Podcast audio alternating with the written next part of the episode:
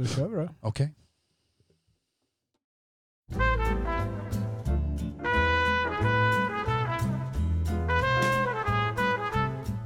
Välkommen till Filmpapporna. Podcasten för oss som inte längre har så mycket tid att se på film, men som behöver utlopp för vårt uppdämda behov av att åtminstone snacka om film. I detta snack kan det förekomma spoilers främst för äldre filmer, men vi varnar alltid först. Den här podden är möjliggjord av redovisningsbyrån Ekonomihjälpen som ni kan läsa mer om på ekonomihjälpen.se. Och nu, till Filmpapporna.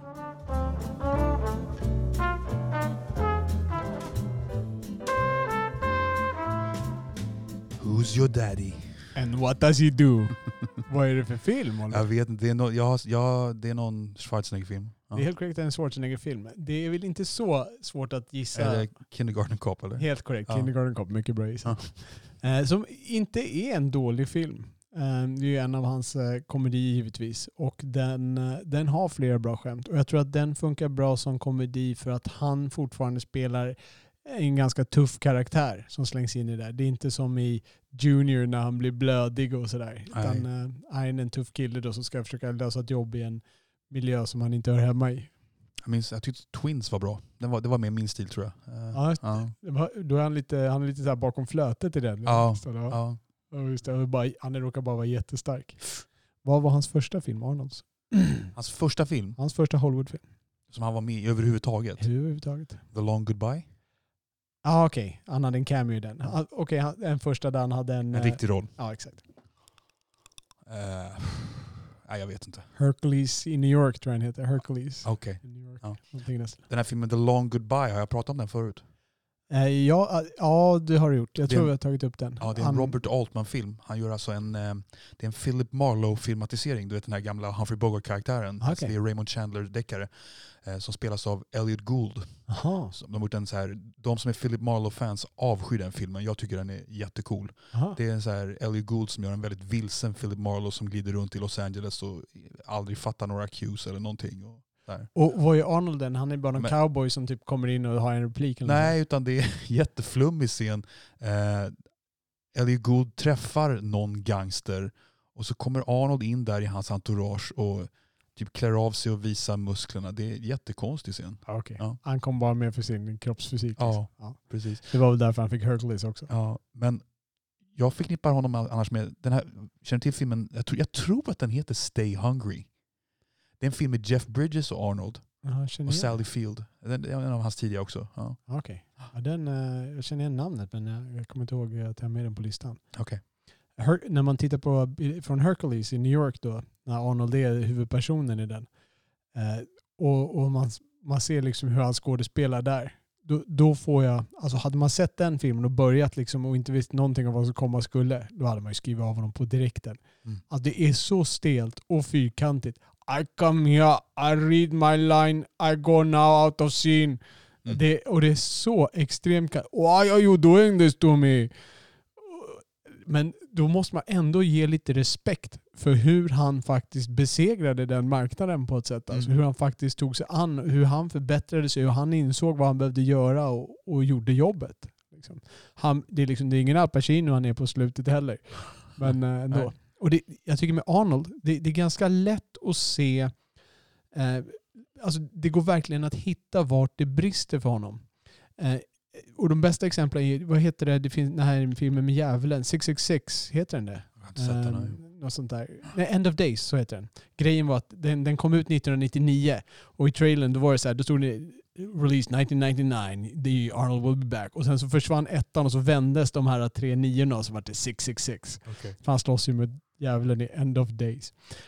Eh, hur som helst, och då, då har han en scen som ska vara lite dramatisk. Eh, eh, när han är mot, det är mot eh, Gabriel Byrne som spelar djävulen. Okej. Och, eh, och han går och lockar honom med så här, du kan få tillbaka sin familj. Han har förlorat familjen, han är ensam tuff polis då. Och så här, du kan få tillbaka din familj. Att du behöver göra är så här, du behöver bara göra som jag vill liksom, och ska locka som djävulen ska göra. Och han, eh, han då ska stå emot det här och trots att det är allt han egentligen vill ha. är Där och så, you are quiet compared to me. Men just det, då ska det vara så här dramatiskt.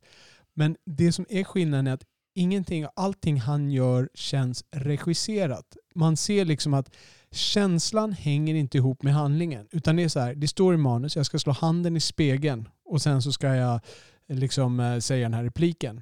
Och han, liksom, han slår handen i spegeln, okej, och nu ska jag säga min replik. Man ser liksom hur det där tickar. Okej. Medan en bra skådis, då är det liksom då är det känslan som driver det. Han, han gör det för att det står i ett manus medan Al Pacino är liksom för att karaktären liksom driver fram det, för att den här känslan är där. Ja. Känslan sitter ihop i både kroppen och språket. Du, eh, vad sa Arnold Schwarzenegger när han spelade schack? Jag berätta. I'll be black. Ja, den borde jag ha tagit. Ja. Always bet on black. Vilken film är det? Du vet. Nej, det är någon, är det, nej jag vet, är det någon roulette-grej eller? Nej jag vet inte. Nej. Ja. Do you play roulette? No, why? Eh, Nej, det är inte riktigt så replikskiftet går. Men Always Bet on Black är det på slutet. Det är Wesley Snipes som säger det till skurken i Passenger 57. Okej. Bra. Ja. Har vi snart bränt av den här film, filmsnacksfredagen. Ja, det Så är hög välkomna! Ja. Det här är Filmpapporna. Ja. Jag heter Robert. Jag heter Oliver. Vi pratar om film som ni kanske har märkt vid det här laget. Vi är mitt uppe i vårt eh, animerade filmmaraton höll jag på att säga, men vår topplista. På, vi har bränt av trean och tvåan. Känner du dig animerad as we speak? Ja, lite grann. Ja. Efter de här eh, lysande inledande skämten så Mm. är det alltid så. Jag, jag hade faktiskt tänkt att göra en liten fallback här. Mi- Min trea var ju eh, Lejonkungen. Mm. Eh, och jag pratade ju mycket om musiken där, eh, hur, hur viktig den var. Och eh, jag, jag, spel, jag inledde ju med att bara spela lite av den här kända inledningssången Circle of Life där med Leo Bohem som börjar sjunga Hej, det går en ja, jag inte mamma. Så, som, eh, eh, om jag har rätt så betyder det, det är, det är något sånt där, hej här kommer lejonet, eh, lejonet kommer, någonting i den här stilen som det betyder den språkmässigt. Eh, Men jag tänkte spela ett stycke ur den här som vi skulle kunna lyssna på lite grann. Och, och det jag vill peka på i det här är kvaliteten eh, på musiken i det här stycket. Eh, låt mig sätta på det här så kan vi lyssna på det tillsammans lite grann bara. Det här stycket heter This Land och är alltså från soundtrack eh, från Lejonkungen eh, som Hans Zimmer är mest bakom. Och den här låten är då skriven av Hans Zimmer och Lebo M har credits på den också. I filmen är det här, används den här musiken i scenen som jag berättade om när han ser sin far igen i, eh, i skyn där då. Och återkoppla till sin historia.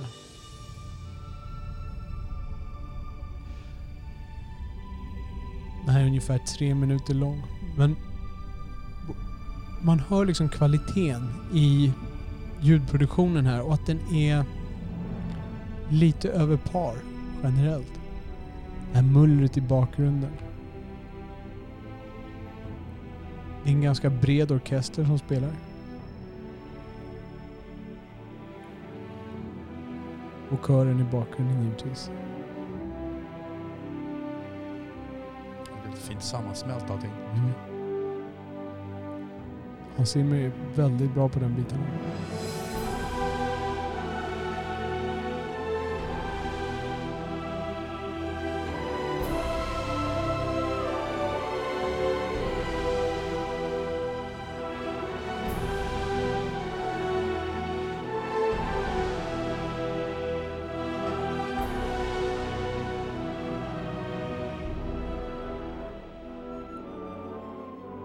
Det är under de här bitarna nu som han, eh, han känner sin eh, lite ångest som hans far nu vänder på. Och så finns den här tryggheten som far i det här. Kärleken till sin far.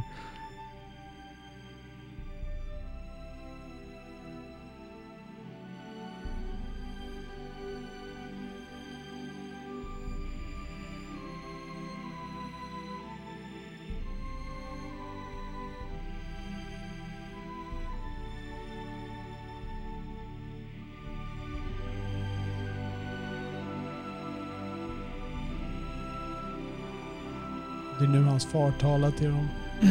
Och det är nu han inser att han har ett arv att leva upp till.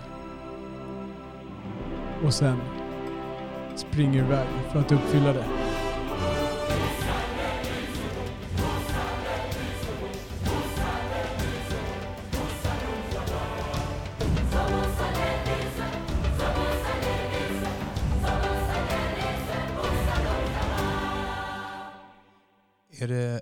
Etablerat i filmen exakt var de är? De är någonstans i Afrika? Eller? Ja, precis. Nej, jag tror inte det etableras Nej. eh, vart i Afrika de är. Nej. Men jag tänker mig södra delarna, det är väl där det är mest sådana savanner med lejon och sådär. Ja. Jag är väldigt okunnig på Afrika så jag kan absolut bli, bli slagen på fingrarna här. Men Okej. Det är det jag tänker mig. Ehm, södra och östra är det va? Sydöstra där. Ehm, den här filmen, den är faktiskt, om jag, om jag har förstått det rätt, så man kan ju tro att det här ska vara en afrikansk historia eller någonting. Men om jag har förstått rätt så är det här en, ehm, en kinesisk eh, historia ehm, som de har Som den bygger på? efter. Ja. Jaha. Nu, vänta, nu blev jag osäker när jag sa det här. Nej, det här får jag nog, eh, det får jag nog kolla upp mig på. För jag, ehm, ja, för jag kommer ihåg att jag läste någonting men jag kanske Alltså blandar the ihop. bare, the bare bones of storyn lär ju finnas i ganska många varianter. eh. Ja, absolut. Men jag, eh, jag tror jag blandar ihop det här med någonting annat jag läste, inser jag nu. Som jag läste om det. Så att, eh, släppte det. Vi slänger det i papperskorgen. Jag skulle vilja mm, knyta an lite grann till, vi pratade om 50-talsfilmer förra gången. Ja, just det. Eh, och jag kom inte på så många 50-talsfilmer jag har sett eh, och sådär. Men, eh, och då, vi kommer att prata om det här att, eh, att så här 50-talsfilmer känns ganska åldrade i, i våra ögon och sådär. Precis. Eh, och, att jag, och då sa jag att jag, jag jag stänger för det mesta av när, när det inte engagerar mig. Så, här. så jag minns ju bara de bra filmerna egentligen. Precis. Och då kommer jag att tänka på en väldigt bra film med Frank Sinatra faktiskt. Eh, som heter The Man with the Golden Arm. Ja, den känner jag igen. Vad handlar den om? Men Sinatra spelar en, en eh, man som sliter med en, eh, ett heroinberoende. Eh, och han har lite ambitioner om att bli eh, att vara jazztrummis faktiskt. Eh, men så bra, bra agerat av Sinatra. Jag, jag har inte sett så mycket filmer med Sinatra men det är, det är faktiskt skådespeleri som håller. Det är liksom understated, realistiskt. Jättebra film. Han var en mang med många talanger. Ja, verkligen. Han Ja. kunde ju dansa bra också. Han gjorde ju en film med Gene Kelly. Alltså var det så? Ja, han kunde verkligen allt den mannen. Ja. Fy fas. Du vet, jag tror min farmor gick för att typ se honom i um, vad, han var, han var, han var? Rolands, nej, Rolandshov tror jag han Jaha, skulle ja. sjunga vid Rolandshovsparken där. Och det är typ så här, det var, det var tio personer som kom för ingen visste vem. Frank Sinatra var. Det var ju jättetidigt. Ja, eller, eller var det när han var på dekis? Eller var det när han var, eller var, snackar vi Nej, typ, det, var, det var på upp, innan han hade slagit igenom. okej. Eh, han hade väl slagit igenom i USA men hans typ Europaturné blev en flopp. Någonting i den Okej, stilen. Så det är 30-tal typ? Eller? ja, Ja, ja. Någonting sånt Ja. måste det ha varit. Okej, så din farmor såg honom? Ja, precis. Jag vill minnas så i alla fall. Kom, eller om hon inte gick dit, men jag kommer ihåg att det var en flopp i alla fall. Det var, var inga människor där hon berättade om det där. Nej. Eh, hon var involverad på på något sätt. Jag kommer inte ihåg om hon gick Nej. dit eller om hon... Så han gjorde inget större intryck då? Nej, Nej. nej, det var det inte. Och jag, jag tror också folk hade lite så... Alltså, hans musik var inte så spridd där. Liksom. Nej. Eh, Det var, jag vet inte hur det var då. Jag kan bara gissa att det var färre som köpte engelsk musik på den ja, tiden. Ja. När, när började det slå igenom att man lyssnade på engelsk musik i Sverige egentligen? Var det, liksom, var det med Elvis eller var det långt tidigare? Var Bra det Bing, fråga. Bing Crosby och Ja. de här kanske? Jag vet inte. Eh, Sinatra, tidig Sinatra är ju inte alls lika mustig i rösten som han blev sen när han blev lite äldre. Det är, ju, det är, en- det är en äldre Sinatra man vill lyssna på, tycker jag. Ja. Mycket. Som sångare, ja. Och, och om vi ändå är inne på Sinatra där så finns det ju den här, hans, en av hans större hits My Way som Ja. många har som favorit, ska på sin, eh, sin begravning och så vidare. Eh, det är ju egentligen från en fransk låt. Det är Ja. en fransk låt från början Ja. som eh, omgjordes till en engelsk låt av Paul Anka. Paul Hanka. Precis. Och vad hette den engelska, eller den franska låten? Comme d'habitude Ja, precis. av Claude François. Ja. Och vad betyder comme d'habitude? Som vanligt. Ja. Alltså låten har ett helt annat budskap. Det Ett handlar om helt annat en man budskap. som är sorgsen över att han inte ihop med, med en kvinna längre och bara går runt och är nostalgisk typ. Nej, ja, precis. Att, att hans liv är slentrian liksom. Ja. Vi älskar som, eh, som vanligt liksom, kom d'habitude. Ja, Ja, ja. det, är- ja det, det är en helt annan låt då, men Ja. helt annat alltså, tema. Trots att det är samma, det, är- det är bara samma melodi Ja. i stort sett. Då. David Bowie anlitades först för att skriva texten till den engelska. Aha. och skrev en text som de tyckte var skitdålig. Så bara, vi tar Okej. Paul Anka. Och David Bowie har berättat det här, att det här det var, han skrev Life on Mars som en liten revansch för det här. Jaha, okej. Där ser man. Anekdoter. Ja, mer musik än film idag. Ja, än så länge i alla fall. Ja. Vad- har du sett någonting?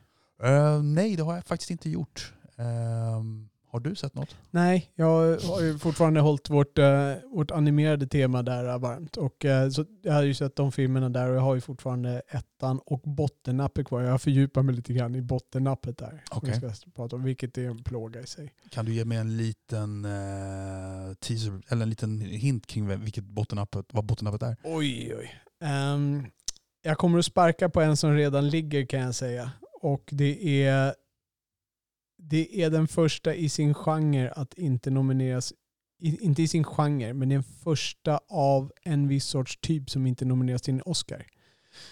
Okej. Jag vet inte hur mycket ledtråd det är, men eh, det, det är det jag kommer ha som bottennapp i alla fall. Och det, det är en film som gör mig riktigt arg. Men eh, det ska vi inte göra mig upprörd nu. Nej. Här. Jag har en liten quiz. Vad kul. Jag älskar ju att hålla på med, med box office-grejer. Eh, och då tänkte jag så här. Vi, vi pratade ju om box office eh, animerade. Eh, Okej. och vi, Lejonkungen som var min trea, den låg trea också på eh, box office. Om man inflationsjusterar, det vill säga att hur mycket man omvandlar pengarna till dagens värde.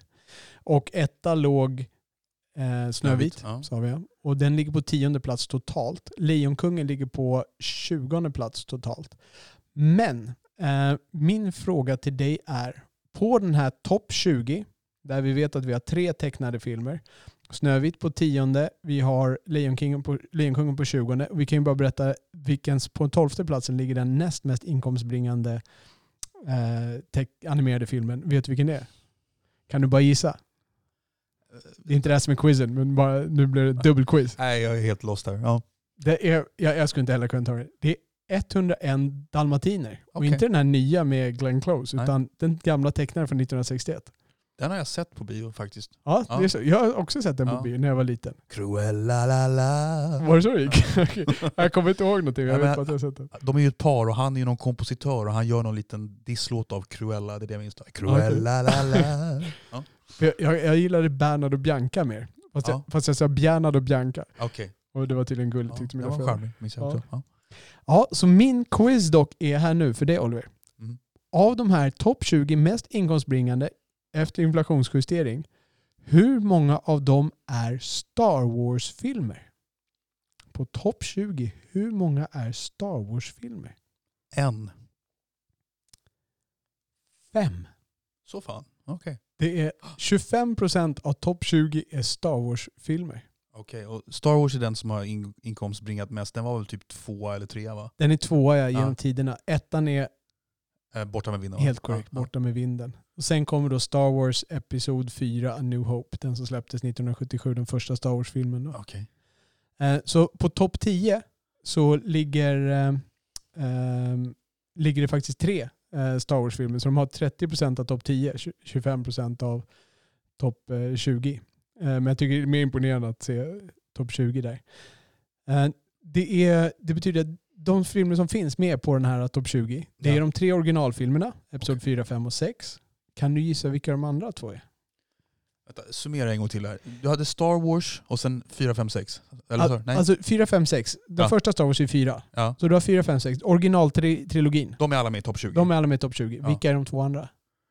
Eh, den, den första av de nya, 1999, Ja, helt rätt. gissar jag. Ja, Ja. episod 1. Och, och så gissar jag typ den, den första av senaste rebooten här. Helt rätt. Ja. Ja, och är det ett tecken då på att eh, folk går och ser den här första filmen med lite nytt hopp? Ja, nu hopp. och eh, sen så blir det bara, eh, tycker de att den inte var så himla bra så fortsätter de inte att titta på de andra lika mycket kanske. ja, det låter nästan tyvärr så. Ja. Ja. Du, kan jag få ta typ, nej det måste bli ett temaavsnitt. Jag ska ta ett avsnitt där jag bara ska såga episod 9. ja, vi har pratat om det. Ja. Ja. Jag, jag, ska, fast, jag ska sätta mig ner och förbereda det och, och få min egen catharsis. Okej, Vi borde vad- hitta ett svenskt Ja, ord för det. Vad ska jag göra då? du ska hålla mig i handen. Ja. Du ska typ ge mig någonting mjukt som jag kan bita i eller slå på eller någonting sånt där. Och så bara, bara vara det. Var buddhist liksom. Sitt bara där liksom och, och meditera och, och låt mig släppa ut mina känslor. ja nej, men det Ja. Är 30 minuter av mitt liv jag kan ha vara, absolut. Tack. ja. Ja. Jag blir arg bara jag tänker på det. Ja, vad har vi med på agendan denna Filmsnacksfredag? ja, Robert P har gjort ett inlägg om Alien. Ja, det har han. Eh, jag Det, har det var ju ett tag sedan, det var efter när vi hade vår halloween special Ja. där. precis. Eh, jag har bara sett Alien en gång och jag är ju inte riktigt lika mycket fanboy av denna film som, som du och Robert. Ja. Eh, men eh, det var intressanta punkter han tog upp. Ja, det var Eh, många anekdoter. Och jag, många. jag tycker att jag har sett de här bakom scenerna, men det var mycket av det som jag inte hade hört heller. nej, Vilket var riktigt intressant. Eh, jag började fundera lite grann på det här. Vad, what constitutes en amerikansk eller engelsk film? Det, står ju, det, det är ju en amerikansk film. Det är ju då eh, finansierat av amerikanska pengar. Men det är liksom det är Ridley Scott, är engelsk regissör och det är inspelat i England. Så Ja. att, är det en amerikansk eller en engelsk film? Vänta nu. Nu, nu måste jag bara. Är Ridley Scott engelsman? Ja. Är Ridley Scott engelsman? Ja, Så Ridley och Tony Scott är engelsmän? ja. Jesus. Har jag inte haft en aning om under alla mina år. Jag har alltid skrivit dem som amerikaner. De gör ju dunderamerikanska Ja, ja. filmer. Nej, men jag tror inte de har gjort, jag tror inte, jag tror att Ridley började med reklamfilm i England, men jag tror inte han har gjort några, några, gjorde några liksom långfilmer i England i början där. Jag tror inte det. Eller om han faktiskt var en sån som var reklamare i USA straight away, men han har inga liksom, jag vet inte om han har, eventuellt om jag skulle kolla igenom hans filmografi om han har återvänt till England senare, men det är ju, jag vet att han är engelsman i alla fall. Jag, jag tror att Robert P vrider sig i sina poddhörlurar nu. Visste du inte det? ja. Oj, Jesus. Ja. Ja, det hade jag inte en suck om. Jag tänkte på det, jag, jag vill ju alltid hacka lite på Ridley Scott om jag får, men eh, om du läste hans anekdoter där så var det tydligen 20th Century Fox som kom med idén att eh, hjälten skulle vara en kvinna. ja, precis. Och Ridley Scott köpte idén. Ja, Jag, kommer, jag tror du gav honom en liten eloge för att han eh, hade skapat, eller att han föredrog kvinnliga hjältar. Men då var det inte han själv som hade slagit sig in på den banan utan han hade fått idén av någon annan. ja precis. Kan jag fronta honom den elogen också. ja. ehm. vad säger du själv då? Eller har du mer att Ja, tillägga? Ja, jag var ju fascinerad över också de skådisar som var tilltänkta. Eh, Läste du det? Ja, eh, Harrison Ford va? Harrison Ford då i Tom Ja. Skerritts roll där som Ja. Dallas. Ja. Och det, det hade inte varit lika bra. Det Nej. hade inte varit lika bra. Nej. Nej. Tom Skerritt är perfekt för han är ju den här lugna pappan som när han försvinner så blir det ju den här tomheten som vi pratade lite om när vi pratade om filmen. Ja. Lite den här psycho-effekten att man förväntar att han ska vara hjälten. Och, ja, men samtidigt var väl, ja, man skulle väl kunna få en sån effekt även med en, en ganska känd Harrison Ford. Ja, han, var, han var ju inte så känd då. Nej, Ehm, kanske inte var det. Nej, det var han inte. Men inte, jag tror han är fel karaktär. Liksom. Han är inte den där faderliga eh, karaktären liksom, som Nej, han är skulle lite mer svårmodig. eh, Ja, att säga. lite mer småmodig eller Ja. lite mer egen, eh, alltså kör sitt eget race på något sätt. Om man Ja. ser till alla hans roller. Nej, men det var ju en väldig eh, lista med, med små eh, surprise effects och vad var det jag läste där att, eh, att eh, Ridley Scott an- använde en hund för att få en katt att framstå som rädd. Och Ja, det just var. det. Mycket sådana där grejer. Ja. Alltså, ja. Och vem skulle ha spelat Ellen Ripley innan Sigourney Weaver kom till? Stod Meryl Streep där? Ja, de vill ha Meryl Streep till den Mm. rollen. Ja. Det skulle varit intressant. ja. Men frågan är, hur många Alien till skulle Meryl Streep ha gjort? Nej, hon hade nog gått vidare med sitt liv, det, det tror jag. Tror, ja. tror inte, James Cameron, Aliens, kanske? ja, kanske. Ja. ja. Det hade varit intressant att se, men man hade inte velat beröva Sigourney Weaver den nu. Nej. Men man hade gärna velat beröva henne Alien 3 och Alien 4. Mm. Ja, men stort tack till Robert P för, eh, för den biten. Och jag, jag vet att han har pratat mycket om, eh, ifall vi kommer in på Ridley Scott, då måste vi koppla in honom på något sätt här. Okej, han, Han är- han, en stor fan av Han är Ridley stor fan. Jag tror Blade Runner är hans absoluta favoritfilm. Om Okej. jag har förstått rätt. Ja. Alltså att, ehm, vi har ju haft lite lösa planer på att göra en, eh, en Ridley Scott-grej. vi har inte, alltså, vi har inte pratat, vi har blivit mycket topplistor från oss. Vi kanske skulle ta och göra, grotta ner oss i en regissör eller, någon, eller Ska vi sitta och titta på alla. Ridley Scotts filmer då? Ja, i alla fall alla de som vi inte har sett. The Ja. Duel, Ja. Duelist, Duel. Ja, ja Duelist. Ja. Ja.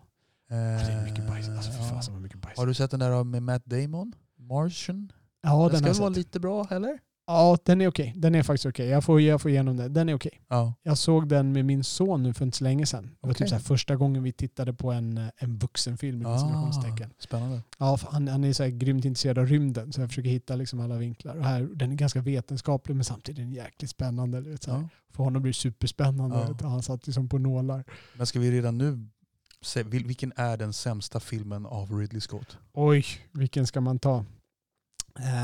Ja, det, det finns ju en del som jag inte ens har sett. Alltså, det är ju så här, det, det finns ju den här, äh, vad heter den? The Contractor? Counselor. Counselor. Den med Fassbender. Ja, exakt. Den är ju, den, alltså vad fasen gjorde han där? Alltså det, Den är så konstigt berättad den Ja, storyn. Ja. alltså det, det, det är en osammanhängande historia som jag, jag, Ja. jag kan inte förstå. jag förstår inte hur han kunde få in så stora namn i en sån dålig film heller. Nej, Så Cameron Diaz och Brad Pitt och Mikael Fassbender och I don't know who. Det ja, ja. det kanske var ett fint manus men eh, ja, den, ja, jag kan inte förstå. Så den är ju den är liksom tekniskt helt puckad. Ja. Så att den kan ju slängas in i den kategorin. Men sen har du ju, eh, vad heter den, eh, Kingdom of Heaven. Jag En- sett. Riktigt bajsig film. Du vet. Det är så här ologiska grejer hur de... eh, Ja, de, det, kommer in någon och så blir allting går från liksom att nu pratar vi lite grann till nu slänger jag in dig i elden och dödar dig och nu ska jag flyga iväg och så leta upp min fars öde. Liksom. Mm. Det finns ingen sån här känslomässig förankring av grejen. Det är bara Mm. nu gör vi det här, och så bang, händer det här och så bara gör det här. Liksom. Och nu, nu känner jag så här, nu ska jag bli det här. Och nu tycker jag att du är jättebra. Jag har träffat dig i tio minuter men nu är du helig. Liksom. Jag sk- Jag skulle säga Hannibal, alltså eh, uppföljaren på När lammen tystnar. Är det så? Ja. Är det, men är den så dålig? Alltså kanske att The Counselor är ännu sämre. Ja, Eh, Counselor är tekniskt. Ja, Men, men Counselor är ändå lite, det är ändå lite coola dudes man kan lyssna på. Det är någon bra scen mellan Brad Pitt och Fassbender där kommer jag ihåg. Men ehm, Hannibal, nej. Jag- Ja. jag har för mig att det fanns lite coola scener i den. Alltså, det, det, blir, det blir inte någon nerv i filmen sådär, men att det finns lite coola scener när han jagar den här... äh, Alltså den, är så, den är så dåligt, det är en sån här Hollywood dåligt berättad film där de ska speeda upp allting och så lägger de musik på. Där har de så här Ja, dåligt musiksatt och allting för att speeda upp allting. De ska etablera allting så jädra snabbt. Ja. Ja. Eh, men får jag fråga dig en grej med, just. Ridley Scott? Ehm, eh, jag känner ju dig som en rationell och ganska objektiv man. Men kan, kan det vara så att du, liksom, att du får någon, något litet någon liten bias när du tittar på hans film, att du liksom går in för att de kommer att suga och, och, och, att de kanske suger lite, lite mindre än du tycker. Förstår du vad jag menar? Um, ja, jag förstår absolut vad du menar. Och jag raljerar ju lite över Ridley Scott. Han är inte, han är inte katastrofdålig, men jag tycker att han är... Alltså han lever inte upp till det där. Alltså hans filmer får för mycket eloge. Han är för överskattad. Ja. Han är överskattad. Ja. Och jag menar, jag var, ju en, jag var nog en Ridley Scott-fan. Jag menar, jag gillar del av Tony Scotts filmer också. Mm. Jag var nog en Ridley Scott-fan ursprungligen. Men liksom någonstans vid Gladiator, liksom, eh, alltså, allting tappar själen liksom. Hans grejer, det, det fanns liksom ingen själ i dem. Och jag, jag blir lite arg på det. Eh, han förvaltar inte de möjligheter han har. Gladiator kunde ha varit en, en mycket bättre film. Och där vet jag att här är minoriteten. Men också sådana här filmer som Kingdom of Heaven och alla möjliga produktioner som han har. Mm. Det fin- han har en stor potential. Alltså han har, han har en budget, han har allt det där. Men det känns inte som att han anstränger sig. Nej. Och det blir ingen själ i filmerna. Han, han saknar tydliga delar i regiskapet. Han kan göra alltså, makalösa scener och Han är ingen skådespelare, regissör. nej, han är ingen skådespelare, regissör och han är ingen historieberättare. Nej. Han är inte det. Alltså om man ser till Alien och Blade Runner som är två genialiska filmer så är det ju inte direkt historien där i som engagerar utan det är ju den här fantastiska miljön han skapar och se de här scenerna hur man får leva i den här världen. Mm. Och så är det en historia som är tillräckligt bra för att vara engagerande i den världen. Men det är ju inte historien i sig. Skulle du lyfta ut den här historien ur sin kontext så skulle de ju inte vara särskilt spännande. Det slår mig nu, är inte så att, att både Blade Runner och Alien är eh, olika alla hans andra filmer? Där, där har han liksom fått bort sitt, sina reklamklipp och den, den, det är filmer som får andas sitt eget tempo lite långsammare eller vad man ska säga. Ja, jag tror nog att det kan vara lite som med George Lucas också. Att han, eh, på den tiden var han tvungen att lyssna på fler andra för han var inte så stor. Ja. George Lucas var ju tvungen att ha massa grejer som Mm. blandade sig i i första Star Wars. Liksom. Ja. Och det är kanske hans bästa regi. Nej, man, ska Star inte, Wars. man, ska inte, man, ska inte blund, man, ska inte, vad heter det? man ska inte skratta åt det här med att, eh, att kreativa människor behöver input från andra. Man ska inte hålla på och sätta den här envåldshärskaren på en piedestal. Jag tycker ju liksom Tarantino var ju bäst när han fick ha begränsningar i budget och folk sa till honom grejer och han lyssnade. Jag tycker hans filmer är astråkiga these days. Precis. Det, det finns ju ett bra citat i den här, eh, vad heter den här filmen om jazztrummisen? Um, Ja, den här Lära- um, eh, Crash Car... Ja, du vet, det är med han eh, trummisen och, och den här bandledaren som är sadist. ja, precis. Ja. Um, som varit en jättehit för några år sedan. Förlåt oss för att vi inte kommer ihåg namnet. Uh, men det är en jazztrummis i alla fall. Och, och de, det finns en känd scen när de sitter på en bar. Och han uh, liksom, uh, det här är efter att de har gått separata vägar. Och han frågar honom liksom, liksom kan man inte gå för långt liksom när, man, när man pressar folk? Kan det inte bli så att man you discourage the next Charlie Parker? Ja. Och då svarar han no, no, the next Charlie Parker would never be discouraged. Ja. Det, det, är ett riktigt bra citat och det kanske är lite så att man, man, kan sätta press på de här kreatörerna för att de riktiga kreatörerna skulle inte backa ner på det som är viktigt. Man ser ju till exempel eh, Coppola kämpade för Pacino. Absolut. Han stod på det, han löste det på ett sätt liksom, för det var viktigt. Mm. Ja, det finns en kraft i det, att ja, kämpa. Precis. Ja. Uh, och det kanske är lite så. George Lucas fick med sig det viktigaste i Star Wars. Men sen de andra grejerna snyggade de till lite grann. Hans kantiga dialog. Han är ingen bra dialogskrivare. Nej. Uh, han hittar på fantastiska världar och, och engagerande historier och han har en, uh, en filosofi i grunden som, okay. är, ja. som är holistisk. Liksom. Mm. ja, alltså att det, man kanske behöver, alltså, ja, inga människor är perfekta. Alla behöver lite input av andra intelligenser. Absolut.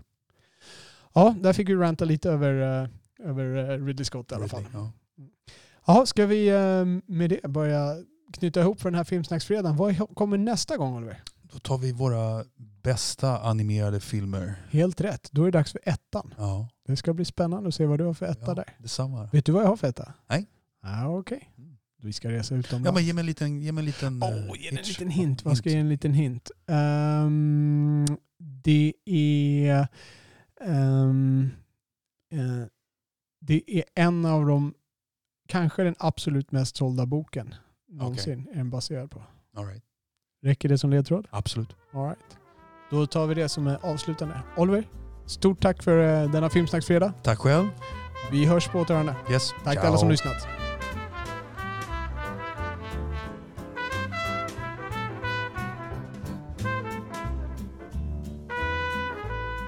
Ni har lyssnat på Filmpapporna som släpps onsdagar, fredagar och söndagar. Man kan ladda ner vår podd i alla vanliga poddappar. Ni hittar också våra avsnitt med fulla avsnittsanteckningar, länkar och klipp vi talat om på vår hemsida filmpapporna.se. Det är där ni lämnar kommentarer till varje avsnitt med era åsikter, beröm, förbättringstips, korrigeringar eller egna anekdoter. Ni kan också följa oss på Twitter, filmpapporna. Med det tackar vi redovisningsbyrån Ekonomihjälpen som möjliggjort denna podd och framförallt tackar vi er som lyssnat. På återhörande.